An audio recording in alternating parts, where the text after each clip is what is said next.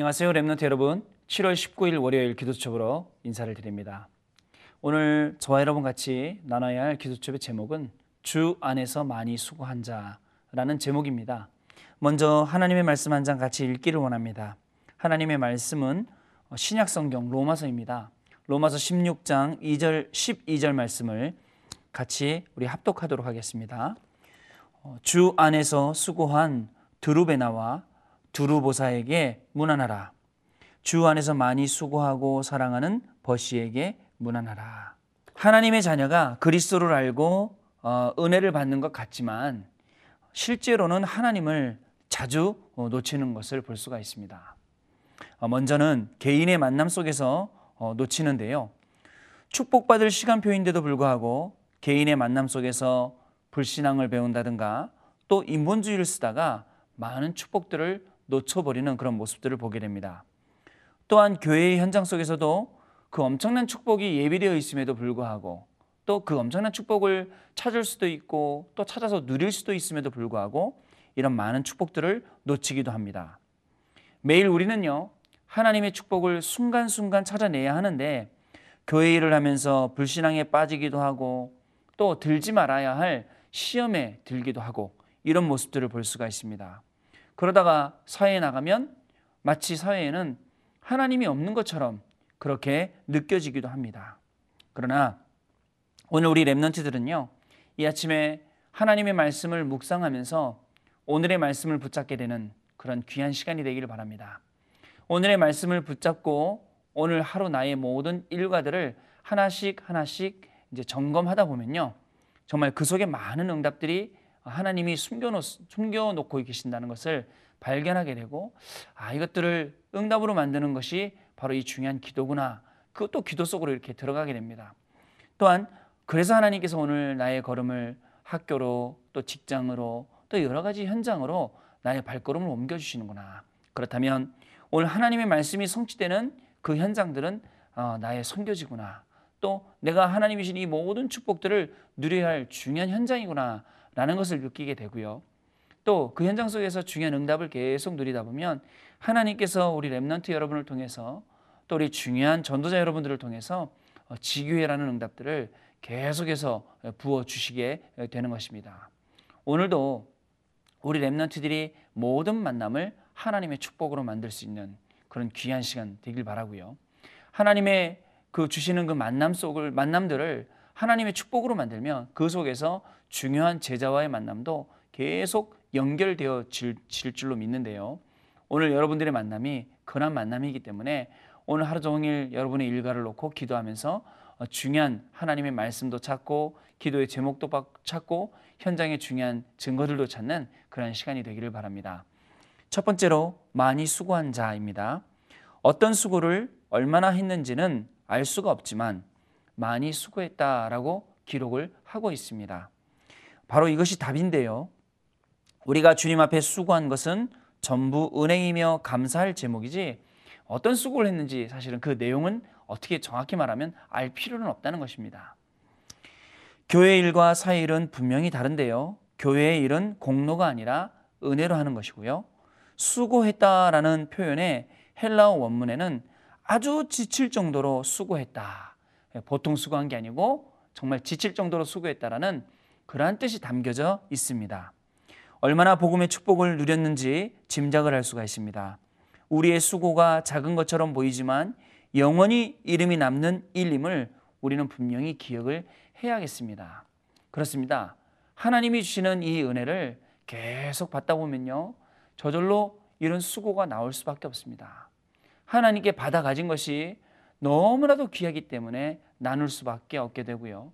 하나님이 우리에게 주신 이 엄청난 사랑과 이 엄청난 구원의 비밀과 또 하나님이 우리를 자녀 삼으신 것과 또 우리를 remnant로 정말 이 시대를 살릴 중요한 하나님의 자녀로 삼으셨다는 것은 정말 놀라운 것이기 때문에 이것을 당연히 우리 현장에서 우리 수고하는 자로 이것을 바로 누리는 것입니다. 오늘 우리 remnant의 삶이 정말 하나님이 주신 이 중요한 축복들을 누리게 되는 그런 귀한 삶이 되기를 바랍니다. 두 번째로 세 가지 헌신입니다. 그러면 초대교회는 도대체 무엇을 헌신했을까요? 초대교회는요, 복음이 복음되도록 하는데 헌신했다는 것 우리가 꼭 기억을 해야겠습니다. 복음을 말하지 않아도 다른 사람이 나를 볼 때 아, 이것이 복음이구나 라고 느껴져야 합니다. 그리고 문제를 만났을 때 예수가 그리스도라는 사실을 알면 그 문제는 분명히 해결되기 시작을 합니다. 그렇습니다. 그래서 여러분들의 얼굴, 여러분들의 말, 여러분들의 모든 행동은 정말 돌아다니는 전도지입니다. 많은 사람들이 하나님이 함께 하심을 보고 특별히 정말 애굽의 많은 사람들이 요셉이 하나님과 함께 하시는 것을 본 것처럼 오늘 여러분의 삶 가운데에 하나님이 여러분과 임마누엘 하시는 비밀들을 정말 주변에 많은 사람들이 보게 되고 아 정말 하나님이 살아계시구나 저 하나님 내가 만나야겠구나 라고 고백할 정도로 그러한 귀한 삶의 응답들이 바로 여러분들 삶 속에서 시작되는 축복의 날이 되기를 바랍니다. 어, 그리고 그리스도가 그리스도께서 그리스도가 되는 날 그리고 그리스도가 주인이 되는 날 현장에서는 하나님의 역사가 일어납니다. 과연 그리스도가 그리스도 되지 못하는 부분들 저에겐 어떤 것들이 있는지 나에겐 어떤 그런 부분들이 있는지 오늘 정말 묵상을 해보고요. 또 그리스도가 주인이 되는 날 현장의 역사가 일어나는데 사실 많은 부분 정말 그리스도가 나의 모든 부분의 주인이 되고 있는지 나의 모든 현장 가운데 그리스도가 나의 주인이 되는지 정말 많은 부분들을 오늘 아침에 묵상도 해보고 기도도 해보고 또 하나님께 정말 영광 돌리는 그런 하루가 되야겠습니다. 어, 그리고 전도가 전도되도록 헌신을 한 것이 이 초대교회 헌신이었습니다. 전도는 가진 것을 말하는 증인입니다. 마지막으로 초대교회는 생명건 헌신을 했습니다. 생명건 헌신을 할 수밖에 없었습니다. 그리고 그 생명건 헌신에 여러 가지 많은 응답들이 계속 일어났습니다. 렘넌트 여러분, 오늘 우리가 정말 생명건 헌신, 생명건 헌신을 할 수 있을까요? 하나님께서는요, 오늘 여러분들에게 이 중요한 비밀들을 알려주시고 또 기도 가운데에 중요한 하나님 주시는 응답 가운데 여러분들을 두셨습니다. 가만히 있어도 정말 이 생명건 헌신이 될 수밖에 없는 그러한 위치에 여러분들을 두셨습니다. 오늘 여러 현장을 놓고 또 여러분의 모든 일과 만남을 놓고 하나님이 주시는 생명건 헌신이 무엇인가 한번 깊이 묵상해보는 그런 시간이 되었으면 너무너무 좋겠습니다. 세 번째입니다. 세 명의 여자입니다. 오늘 본문의 세 여자인 두루베나 그리고 두루보사 그리고 버시는 경제력이 없었지만 주 안에서 수고하는 자로 응답을 받았습니다. 우리 한번 이 부분을 좀 잘 생각을 해봐야겠는데요. 세 사람 모두 여자인데요. 당시에는 여자를 어떻게 취급했냐면 사람으로 취급하지 않을 만큼 차별이 심각했던 그러한 사회였습니다. 그러나 바울은 이들의 이름을 거론하며 기록에 남길 만큼 이들이 응답받은 것을 볼 수가 있습니다. 그렇습니다. 주 안에서 수고하는 자. 그 수고가 내가 해야 될 수고가 어떤 수고인지를 알고 우리가 조금 우리의 생각도 바꾸고 조금 우리가 수고했는데 영원히 기록에 남을 그러한 귀한 축복이 우리 앞에 기다리고 있는 것입니다. 이처럼 어떤 현장에서든지 속지 않고 올바른 헌신을 하면 분명히 응답을 받게 됩니다. 오늘 세 명의 여자의 이름이 성경에 수고하는 자로 기록된 것처럼 정말 우리 랩넌트와 우리 전도자의 여러분들이 주 안에서 정말 많이 수고한 자 정말 그럴 수밖에 없는 분명한 이유를 가지고 수고하고 또 그에 따라 정말 초대교회 주셨던 그 응답들이 우리의 응답이 되어지는 그런 귀하고 놀라운 하루의 축복이 오늘 새롭게 시작되기를 바랍니다. 오늘 포럼의 주제입니다. 나의 환경과 상황, 현장을 보면서 원망하고 불평하고 있지는 않는가요? 그렇다면 오늘부터 하나님께서 나를 왜 부르셨는지, 무엇 때문에 내게 복음을 주셨는지 묵상을 해 보세요.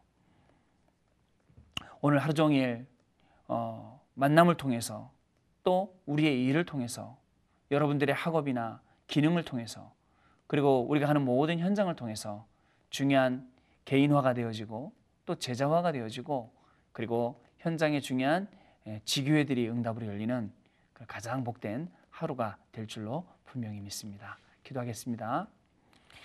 하나님께 감사를 드립니다. 주 안에서 많이 수고한 자로 우리 렘넌트들, 우리 전도자들을 분명히 세워 가실 줄로 확신합니다. 정말 오늘도 하나님이 주시는 모든 학업이나 기능이나 일 가운데에 중요한 복음으로 예수가 그리스도 되시고 그리스도가 주인 되는 이 놀라운 축복을 누리게 하여 주옵시고 또한 오늘도 모든 만남 가운데에 하나님께서 예비해 놓으신 제자를 찾게 하시며 오늘도 우리가 밟는 모든 현장 가운데에 중요한 전도의 문, 지교의 문들이 열리는 생애 최고의 날이 되도록 주께서 성령으로 역사하여 주옵소서. 이런 귀한 응답을 가지고 주 안에서 많이 수고한 자로 중요한 응답과 그 증거들을 갖게 되는 새로운 시작이 되어지는 축복된 하루가 되도록 주의 성령께서 역사하여 주옵소서. 우리 주 예수 그리스도 이름으로 기도드립니다. 아멘.